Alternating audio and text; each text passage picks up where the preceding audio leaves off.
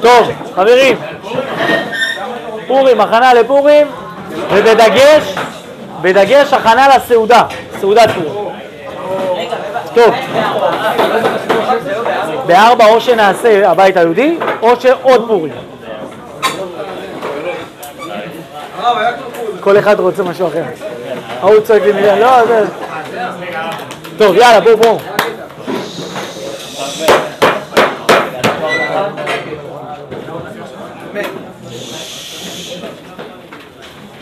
מעשה שהיה כך היה.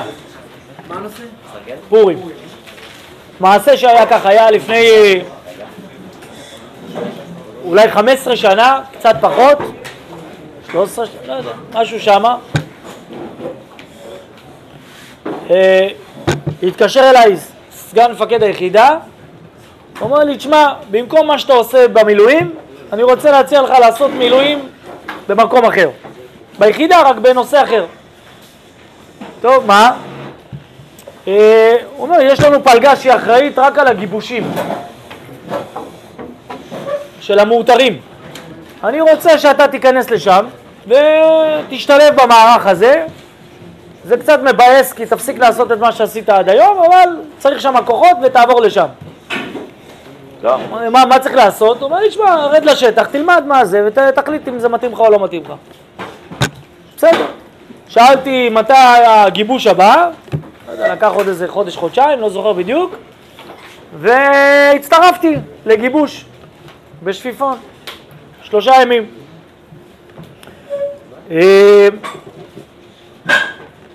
על הדרך אני, זה, עשיתי טעות חיי, עשיתי טעות חיי, כי כל דוס בערך בעולם שראה אותי וזיהה אותי שמה, העביר בקבוצות, אה, בתפוצות נאט"ו שהייתי בגיבוש, ורב סרן שמועתי עשה, עשה שעות נוספות, אז מזה שהייתי נוכח בגיבוש זה הפך להיות שאני אחראי על הגיבוש, מאחראי על הגיבוש הפכתי להיות מפקד הגיבוש, וממפקד הגיבוש הלכתי, הפכתי להיות המפקד האחראי בכל צה"ל על כל הגיבושים בצה"ל.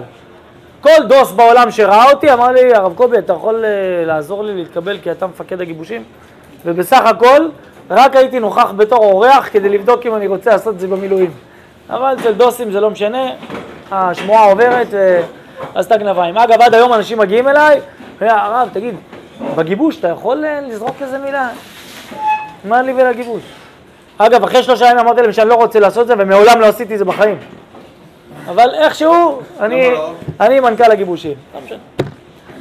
טוב, בקיצור, אה, ליוויתי קבוצה של 20 חבר'ה, דבוקה של 20 חבר'ה, של ה-20 חבר'ה היו ארבעה מגבשים, והם הלכו איתם שלושה ימים. אחד מקדר ומתזז אותם, הורג להם את הנשמה, וכל השלושה האחרים עם הדפים כותבים וכותבים וכותבים וכותבים וכותבים והם אה, תמיד עם משקפי שמש כאלה ענקיות, מי שמכיר, וגם אם אפשר שיהיה מכוסות מהצדדים, שחס וחלילה אחד החיילים לא יראה בזווית של העין מה המגבש חשב, שמח, לא שמח, היה עצוב, קרץ, לא קרץ, משקפיים שחורות סוגרות, אגב לא משנה אם זה גיבוש חורף או גיבוש קיץ, תמיד עם משקפי שמש שחורות, וארבעה מגבשים עובדים סביבך, רושמים כל תנועה שאתה עושה, ואין לך מושג מה כתוב שם. כידוע, מי שעשה פה גיבוש מכיר את זה, ארבעה חבר'ה מסתובבים סביבך, רושמים, כן? הפנקס פתוח והיד רושמת. נראה לי שמכיניסט מצוי חושש מהפנקס הפתוח והיד הרושמת של המגבש יותר מאשר שהוא חושש מהפנקס הפתוח והיד הרושמת ביום כיפור.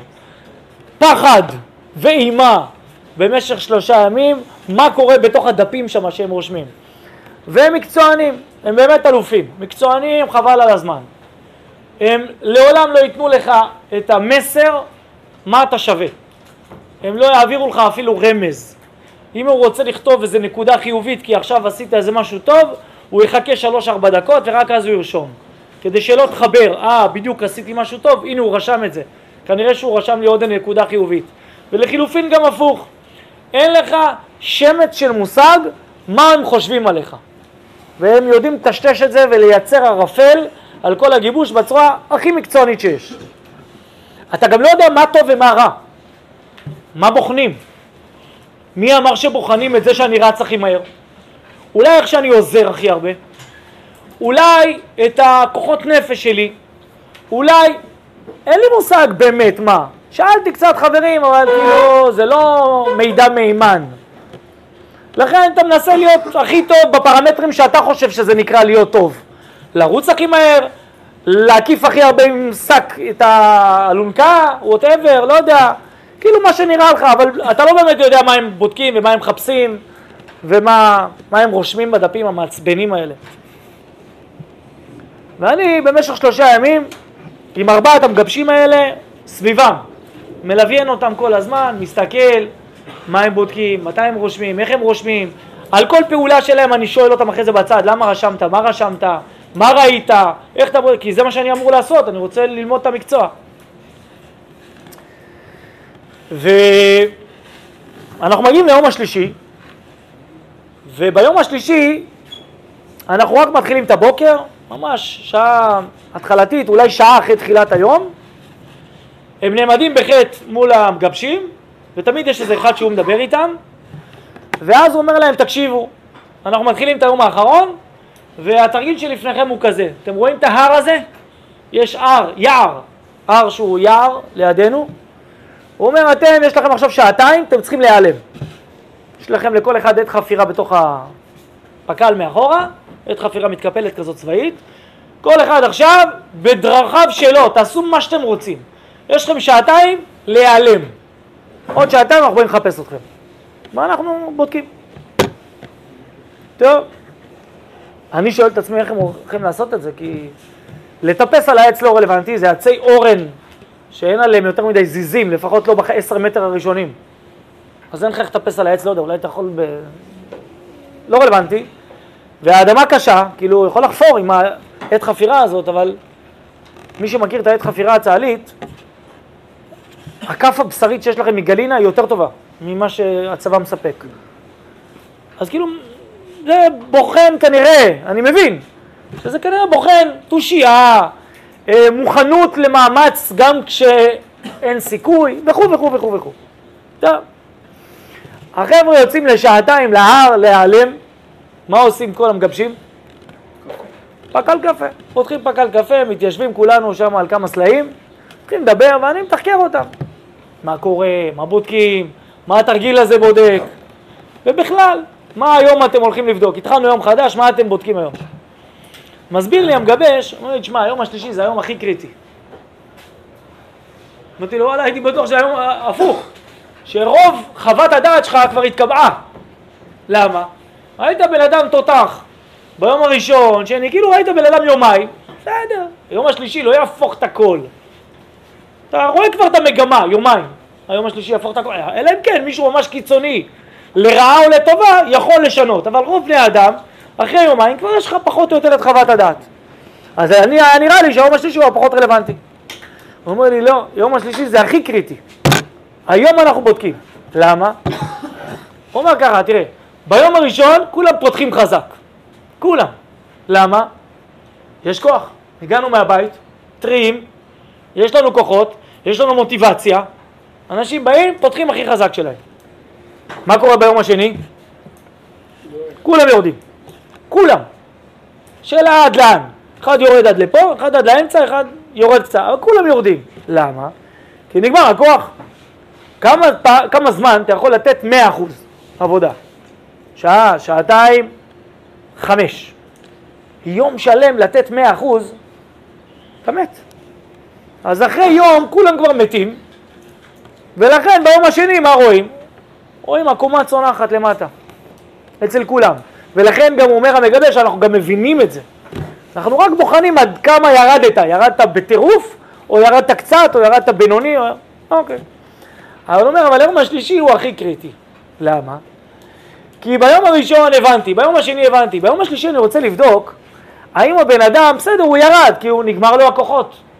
אבל אם הוא מצליח לגייס את הכוחות הנפשיים שלו ולהגיד, יאללה, ממחר אני משתמש ברזרבות המנטליות שלי, בכוחות הנפשיים שלי, מצליח לגייס את שארית כוחותיו ולתת מרתון. או שהוא כבר כאילו, אין לו, אין לו כוח כבר ל... וגם השאלה, ביום השלישי כשהוא מגייס את הכוחות הנפשיים שלו, כמה הוא מגייס. האם הוא עולה חזרה מטר, או הוא עולה שתי מטר, או הוא עולה עשר מטר. גם זה קריטי. אז הוא אומר לכן היום השלישי, בניגוד למה שהם חושבים, החיילים, לנו הוא הכי אומר. וואו, חידש לי חידוש מאוד גדול, לא הסתכלתי על הדברים ככה, והבנתי עד כמה החבר'ה האלה שעכשיו כאילו מסתובבים על ההר וכבר גבורים כאלה, חצי כזה, הולכים ככה, לא מבינים שבעצם לא משנה מה עשית קודם, בעצם היום הזה הוא קריטי. יכול להיות אפילו שלא היית בכלל בימיים האחרונים. אבל אם היום תהיה תותח, יכול להיות שהוא מכריע את כל המערכה. טוב, ממשיכים עם הקפה, מתיישבים, אוכלים, שותים וזה. פתאום אני מציץ לו בתוך הדפים ואני קורא את השמות. לא יודע מה גרם לי ככה להסתכל על השמות של האנשים. פתאום אני רואה בין השמות את השכן שלי מעצמונה. אני אומר לו, מי זה? זה, זה, זה בחור מאיפה הוא? אולי זה שם אחר, אולי יש שתי שמות כאלה, אבל זה שם כזה מוזר. אין שתי שמות כאלה. אמרו לו, בואנה, זה מעצמונה? הוא אומר לי, כן, כן, משהו, גוש קטיף. הוא אומר, זה שכן שלי. אז הוא אומר לי, נו, וולקאם, הוא כבר שלושה ימים איתנו. עכשיו, אני לא ראיתי אותו. למה לא ראיתי אותו? א', כי לא הסתכלתי על החיילים בכלל, הסתכלתי רק על המגבשים. התעניינתי במגבשים, לא במתגבשים. וב', הם נראים אותו דבר. בגיבוש, כולם הולכים כובע שמסתיר להם חצי מהפרצוף, והמדים שלהם נראים אותו דבר, מרושלים כאלה, זורקים לך איזה שני מדים, לא משנה אם אתה במידה או לא במידה, זורקים לך את זה ויאללה, לך תתלבש. אף אחד לא מתאים לך את המידות שלך, ו... וזהו, והם נראים שלומפרים כאלה, אף אחד לא, לא, הסתכלתי עליהם בכלל. ואני אומר לו, בוא'נה, מה זה שכן שלי? שכן, כאילו, היה קטן ממני בהרבה שנים, אבל חברים, המשפחות חברות. אז הוא אומר לי, לא, הוא פה, הוא פה כבר יומיים, אחי, תתעורר. אני אומר לו, תגיד, ונו, ומה המצב שלו? אז הוא פותח את הדפים, הוא אומר לי, מה שאמרתי לך מקודם, על היום השלישי והקובע, זה בדיוק המצב שלו. זה דוגמה מובהקת למצב שהבחור הזה נמצא בו. למה? פתח חזק, יום שני ירד חזק, עכשיו בואו נראה. יבוא השלישי ויכריע ביניהם. אמרתי, וואי, הוא נמצא עכשיו באיזו סיטואציה ש, שהיא תקבע את השלוש שנים הקרובות שלו. מה שיהיה היום, בעצם לא משנה מה הוא עשה, ראשון, שני, לא משנה. כאילו, כי יום ראשון ויום שני תפסו, נכון? אפס. עכשיו, שמונה שעות הקרובות, אתה הולך להכריע את כל החיים שלך, את כל, הש... את כל השלוש שנים הבאות. אז אני מתחיל דיון אתי ביני לבין עצמי. האם באתיקה הצבאית נכון ללכת להגיד לו את המצב שהוא נמצא בו, או לא? מצד אחד, ממש לא. למה? מה, לא מה אנחנו, זה אינטרס? אינטרס אישי? לא אכפת לי מאחרים. לא בגלל האחרים שהוא כן והוא לא, מה לעשות, כי אני פה ואני מכיר רק אחד. אבל מבחינה אתית, אם הוא באמת לא מתאים ליחידה, אז מה, אני מסכן את עם ישראל בגלל הבחור הזה? מחר הוא יצא למבצע, או זה, והוא לא מתאים, הוא יעשה קטע, לא, לא יודע, לא... צבא זה לא משחק ילדים, לא מקמבנים קומבינות בצבא, לא מארגנים פרוטקציות בצבא, זה לא משהו שעושים. מצד שני, הוא חבר שלי, הוא שכן, וכאילו בסך הכל הוא גם פתח טוב, זה לא שהוא כאילו לא רלוונטי על הפנים ואני הולך עכשיו כאילו להעביר אותו מ-0 ל-100. הוא, יש מה לדבר, הוא היה טוב ביום הראשון, אה?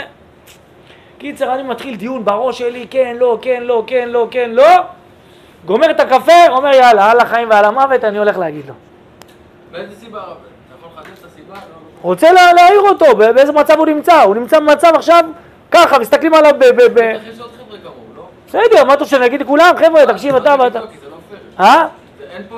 בסדר, זה מה שהחלטתי. אחרי זה תשפוט אותי, בסדר? לא, לא שופט, אני רק אומר, אני שואל אם אתה עושה את זה אה, מהצד האישי, כאילו... כן, אישי נטו. נכון, אבל אתה עוד לא במצב של מגבש. האם במצב של מגבש גם היית עושה? לא, לא, ברור שלא. ברור שלא. אבל אני פה אורח, באתי סתם לבקר, פתאום קלטתי איזה קטע, מה אכפת לי לזרוק לו מילה? אה, יכול להיות שאני נותן לו שליף, שליף בעולם האמת. אחד הדברים הכי קשים בגיבוש זה שאין לך מושג. מה חושבים עליך. הם כל היום רושמים. ככה. רבאק, אם הייתי יכול לגנוב לו את הפתק רגע לראות מה הוא חושב עליי, הייתי עושה את זה, אבל אי אפשר, אין לך מושג, שלושה ימים אתה רץ כמו איזה חמור, אין לך מושג, אתה טוב, אתה לא טוב, אתה חצי טוב, אתה זה, אתה בכיוון, אין לך מושג. זה שליף הכי טוב שיש בעולם, הדבר הזה. ולאף אחד אין אותו. ויש לי הזדמנות לתת לו אותו.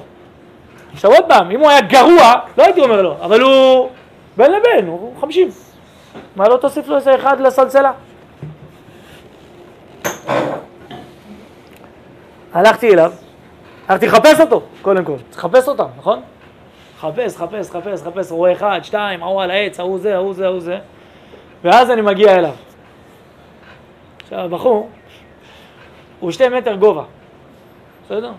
בחור גבוה מאוד, רזה וגבוה, שני מטר גובה. אני קולט אותו,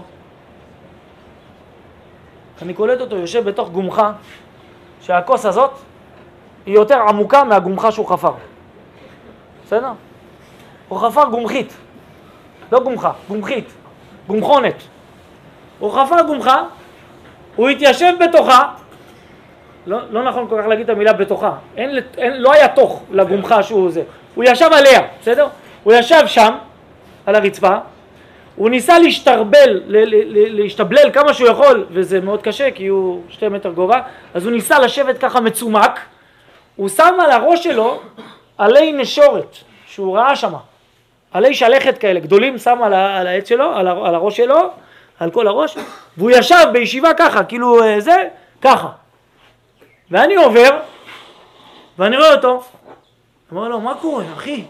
מה המצב? אז הוא, הוא לא רוצה כאילו לזוז מה, מהמצב שהוא נמצא בו, כי הוא התחבא. אז הוא אומר לי, רואים אותי.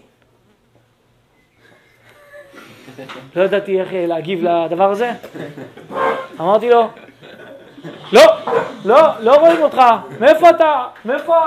שמעתי קול, מאיפה זה? איפה אתה? איפה... אז תגיד, אתה דפוק? מה רואים אותי? מה, לא רואים אותי? מה, מה, מה, מה, מה עשית? ישבת על הרצפה? למה שלא יראו אותך? כי שמת עליה על הראש? מה, אתה נורמלי? עכשיו, למה הוא חושב שהוא התחבא? כי הוא ביום השלישי של הגיבוש. אתם יודעים מה קורה ביום השלישי של הגיבוש? המוח מתחיל להמציא סברות. כבר אין לך כוח בגוף, אתה צריך לחפור, אתה חופר גומך ואתה בטוח שחפרת אוקיינוס. כי העץ הרע אומר לך, יאללה, זה בסדר, זה מספיק עמוק. אתה חופר, נותן לך כוח לחפור, והעץ הרע אומר לך, בסדר, לא צריך להעמיק יותר מדי. אז אתה מתיישב בתוך הגומחית, ואתה חי בהזיה שאף אחד לא רואה אותך. והוא מאמין בהזיה הזאת. אז אני אומר לך, אחי, אתה יושב על הרצפה, כאילו, זה מה שעשית עכשיו. אתה לא מתחבא, אתה יושב על הרצפה. רק, אתה עושה ככה, זה לא אומר כלום. אז הוא אומר לי, מה, זה לא טוב? לא, ממש לא טוב. אבל תקשיב, תקשיב, תקשיב, תקשיב. לא באתי בשביל להגיד לך שאתה לא מתחבא טוב. באתי להגיד לך משהו שזה בערך שווה זהב. בכל תולדות עולם הגיבושים לא נראה לי שקרה מה שהולך לקרות פה עכשיו. אני הולך להביא לך מידע מודיעיני מהדפים הארורים. בסדר? תקשיב טוב. הסיטואציה שלך היא ככה וככה וככה וככה. נתתי לו בדיוק את הסיטואציה שהוא נמצא בה, שאף אחד לא יודע אותה. אף אחד לא ידע אותה ואף אחד לא ידע אותה בעבר. קיבלת שליף מעולם האמת. מישהו דחף לך איזה פתק. עם המצב, שיקוף של איפה אתה נמצא הרגע. הבחור, תקשיבו, הבחור, הוא קם, הוא קם, הוא קם, יצא מהגומחה, כן, יצא, חילץ את עצמו מתוך הגומחה, פתח את העת חפירה, וכמו אה, כמו איזה אה, נמר טורקי, התחיל לחפור שם בצורה פסיכית, כאילו אני לא יודע מה נכנס בו, איזה שד, ולא רק בתרגיל הזה, במהלך כל השמונה שעות הבאות, הבן אדם היה רמבו שלוש. נהיה, נהיה פסיכופת. בקטע טוב. בסדר? ועבר את הגיבוש. הבעיה המצפונית שלי שהייתה לי, היא עברה. בסדר? אני, היה לי, לא נעים לי וזה, עשיתי קטע, היא עברה מהרבה סיבות. א', כי בסוף קיבלו אותו והוא באמת הוכיח את עצמו, וב', כי הוא עד היום בצבא. בסדר? הוא היה מפלג ביחידה והתקדם, כאילו, מה שנקרא, לא מנעתי טוב מצה"ל, הפוך, נתתי, הבאתי ברכה לצה"ל. אבל, למה אני מספר לכם את הסיפור הזה? כל שנה כשאנחנו מגיעים, כשאני מגיע להכנה לסעודת פורים, אני נזכר בסיפור הזה. ולמה? כי תהליך עבודת השם שכל בן אדם פה עובר, ופה בפרט, את התהליך שאתם עוברים אני יודע מה שנקרא בעל פה. בערך בכל חודש נתון אני יכול להגיד לכם מה המיינסטרים של רוב האנשים מרגיש באותו רגע, כי הייתי בסרט הזה ממש. ואחד מהדברים שמקננים בלב מכיניסט מתקדם ומתחזק, זה האם התהליך שאני עושה עכשיו הוא אמיתי, או שיש בו, או שהוא פייק, או שהוא חצי אמיתי. למה?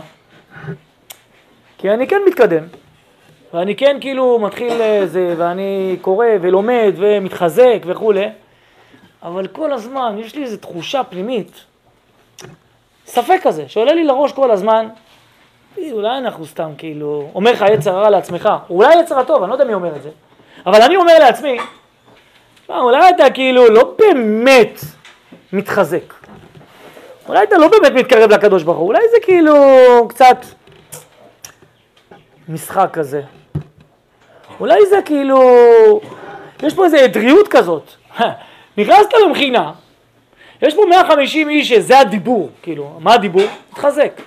זה הסיפור, כאילו, זה העננה שרובצת פה על המקום הזה. אז כאילו לא מן הנמנע, גם אני, גם אני לא רוצה לאכזב את עצמי בסוף שנת המכינה ולהגיד, תשמע, באתי למכינה, כשם שיצאתי כך נכנסתי. גם אני רוצה שהסיפור יצליח, כן? אז כחלק מהרצון שלי שהתהליך יצליח, אני גם קצת אה, גורם שהוא יצליח, גם אם הוא לא עבר בכל מסדרונות האמת. אני גורם אותו קצת. באיזה אחוז? אולי אחוז קטן, חמישה אחוז, לא, רוב התהליך שלי הוא אמיתי, הוא נכון. אני באמת נפעם מהשיעורי תורה של הרב ראי ומהשיעורים מהזה, ואני עובר תהליך עמוק, אבל אולי עשרה אחוז מהתהליך שלי, או עשרים אחוז, או אולי יותר, הוא קצת כזה נובע מההקשר, אולי הוא נובע מהאווירה. אולי בגלל שיש פה דיבור של התחזקות, אז גם אני על הגל.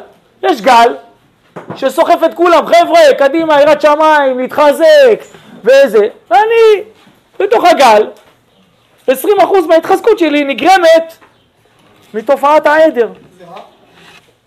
רגע. ו-80 אחוז זה בסדר, אבל 20 אחוז. אבל רגע, אם יש 20 אחוז, אולי יש 30 אחוז. אולי זה 40 אחוז, אולי זה יותר. ואולי יום אחרי שאני אשתחרר מהמכינה, אשתחרר מהמכינה, אני פתאום מגלה שכל השלם 30 אחוזים של העדר לא ממשיכים איתי מהסיבה הפשוטה. כי אתם לא תהיו איתי שם. אני אתגייס לצה"ל לא עם 150 חבר'ה מהמכינה. האווירה לא תהיה אווירת מכינה. ה vibe לא יהיה vibe של התחזקות, הוא יהיה משהו אחר לגמרי. ואז מה? פתאום 30 אחוז ירדו לי ואני אשאר רק עם 70 אחוז? אה, מה שקורה בפועל. הרבה חבר'ה הולכים חזל"ש. למה? כי... אה... אז בעצם ישאל השואל, אז אולי התהליך שלי הוא לא כזה כנה. הוא כנה, אבל רק 70 אה, אחוז, 80 אחוז, 60 אחוז, לא משנה כמה. ויש לי עוד ראייה, אומר המכיניסט לעצמו, שאולי אני קצת גורם את התהליך בכוח. יש לי עוד ראייה. למה? כי זה נכון שכשאני במכינה אני ממש רוצה קרבת השם. אני רוצה להתחזק, אני באמת רוצה. מוכן להישבע לך על זה.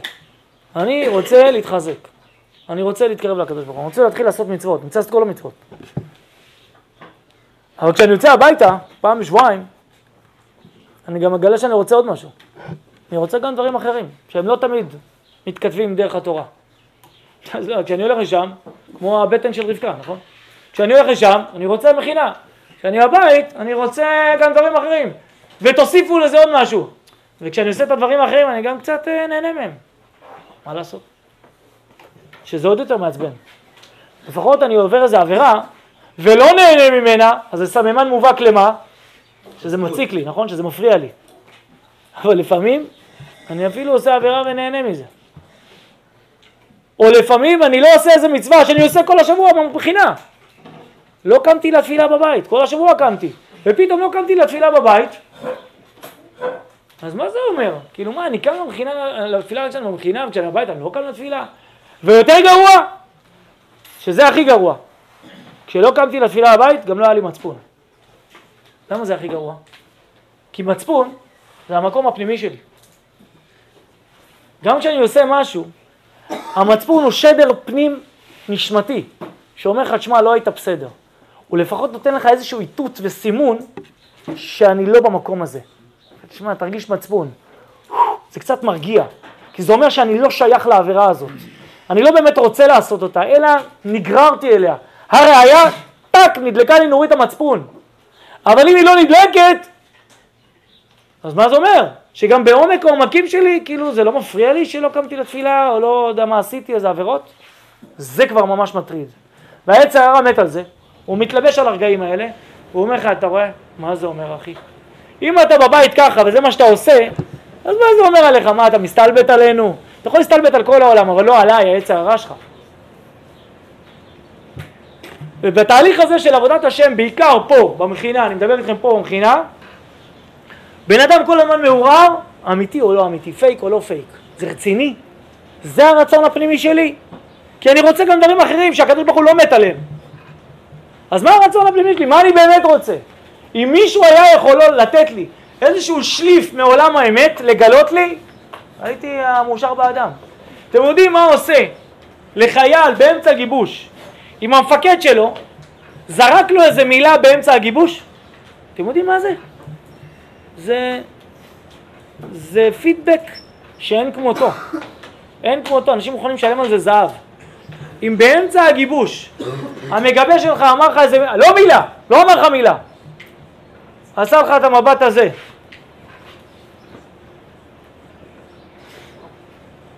זהו, נגמר הסיפור.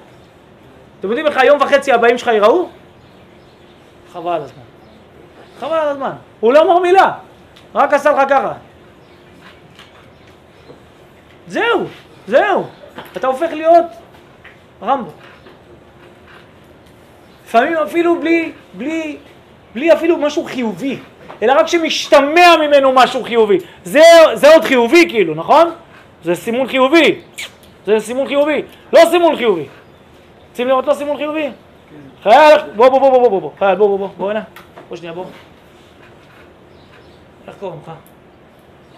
תסתכלו על הזווית של הפה גם, בסדר? לא על ה... רק על ה... איך קוראים לך חייל? דני? סבבה דני.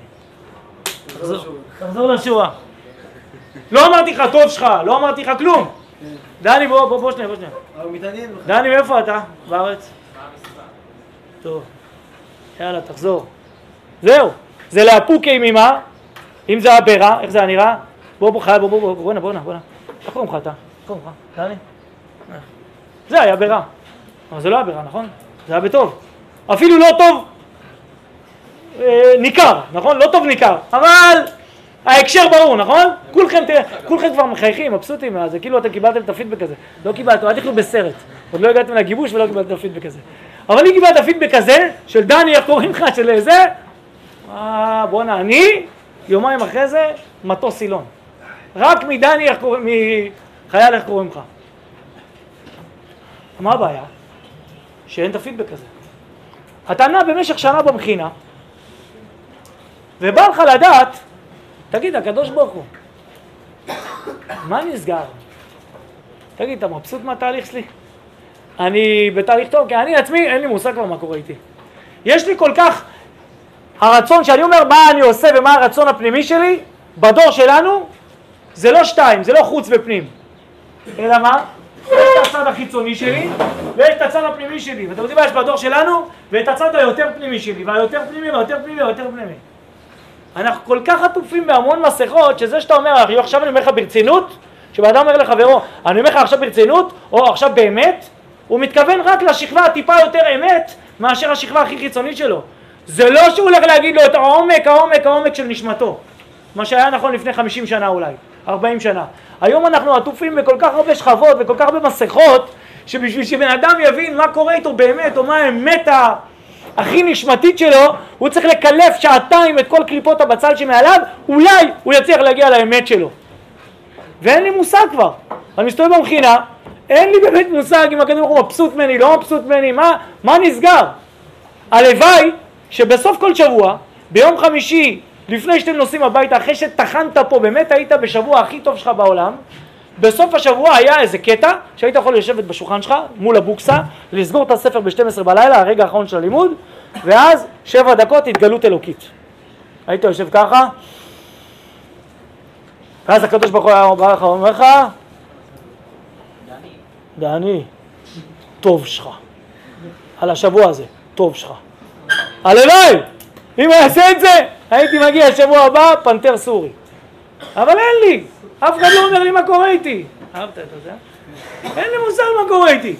אני הולך, מקווה שאני זה, מקווה שזה נכון, מקווה שזה האמת שלי, שאני לא משחק פה בנדמה לי, אין לי מושג.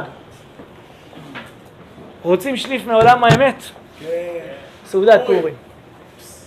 סעודת פורים זה שליף מעולם האמת. בכל חג הקדוש ברוך הוא מוריד איזשהו שליף. בפסח, חירות. בחנוכה, גבורה. בפורים, אמת. אמת. נכנס יין, יצא סוד. כשבן אדם מגיע לסעודת פורים, אחרי תהליך בלבד, מי שלא יגיע אחרי תהליך, לא יקרה שם כלום, אני מבטיח לכם. הוא ישתה, ישתכר, יקיא בחוץ, ויזרקו אותו למיטה והוא יפספס את פורים. או כמו שאומר הרב הרוש, רק אל תקיא את פורים. בסדר? לא יקרה שם כלום. אם לא, תעבור תהליך. רק אחרי שבנית, בנית תהליך, חודש לפני, אם לא חודש, שלושה שבועות, שבועיים לפני כן. תהליך הכוונה ללמוד כל מה שאתה יכול ללמוד בהקשר של פורים. ממסכת מגילה ועד אחרון הספרים שקשורים לפורים. להעמיס את עצמך בידע על מה זה פורים, מה המשמעות שלו, מה קדושת פורים. להבין, לנסות לתחקר את הרב שלך, מה זה אומר, מה זה כיפורים כיפורים, מה זה קדושת הפורים, מה יש שם, להכין, להכין, להכין, להכין, להכין, כמו ערב שבת, שמתכוננים לשבת. כמה שיותר להכין, ואז להגיע לפורים כשהסיפור של היין הוא רק גלגל עזר. הרבה אנשים הופכים אותו למרכז, אני אשתה, אדפוק את הראש ואז יצא לי ה... לא יצא לך כלום, יצא לך הבלה. הבל מפיק הבל ובסומה מפיק בסומה. ואז אתה תתבאס על עצמך, כי אתה תגיד, זה האמת שלי? שיצאתי אהבל ואמרתי שטויות ופלטתי, לא יודע מה. ככל שבן אדם מכין את עצמו יותר, הוא יגיע לרגע הסעודה שזה הפריים טיים של פורים. דיברנו על זה פעם שעברה. זה השפיץ של השפיץ. הוא יישב בפורים ופתאום יגיע אליו שליף. השליף הזה לא יהיה 20 שניות, הוא יהיה שעה, שעתיים או שלוש, תלוי כמה שאתה תהיה פתוח והלב שלך יהיה פתוח בסעודה. ופתאום הקדוש ברוך הוא בסעודה, ועוד פעם, זה לא בפתאום, אלא זה תהליך. יפתח לך איזושהי חלונית קטנה ויגיד לך, אתה מוכן? יש לך ארבע דקות, אני פותח לך את החלון, תנצל את ההזדמנות, אני הולך להגיד לך איפה אתה נמצא. ומה הרצון היותר פנימי שלך, תתכונן. הוא יפתח, אתה תתבשם והוא יסגור. כמובן שאני עושה לכם את זה בצורה מאוד uh, טכנית. אבל זה תהליך שאתה יושב בסעודה, מקלף את עצמך לחלוטין, ופתאום מקשיב ושומע את הקולות האלה. אתה שומע את עצמך במקום הזה, אתה מתחבר לנקודה הזאת, אחרי שהורדת את זה ואת זה ואת זה, אולי את שני אלה בכלל הורדת לפני פורים, ואת זה הורדת בבוקר של פורים, ואת זה הורדת בסעודה של פורים. ואז אתה פתאום מתחיל לשמוע קולות.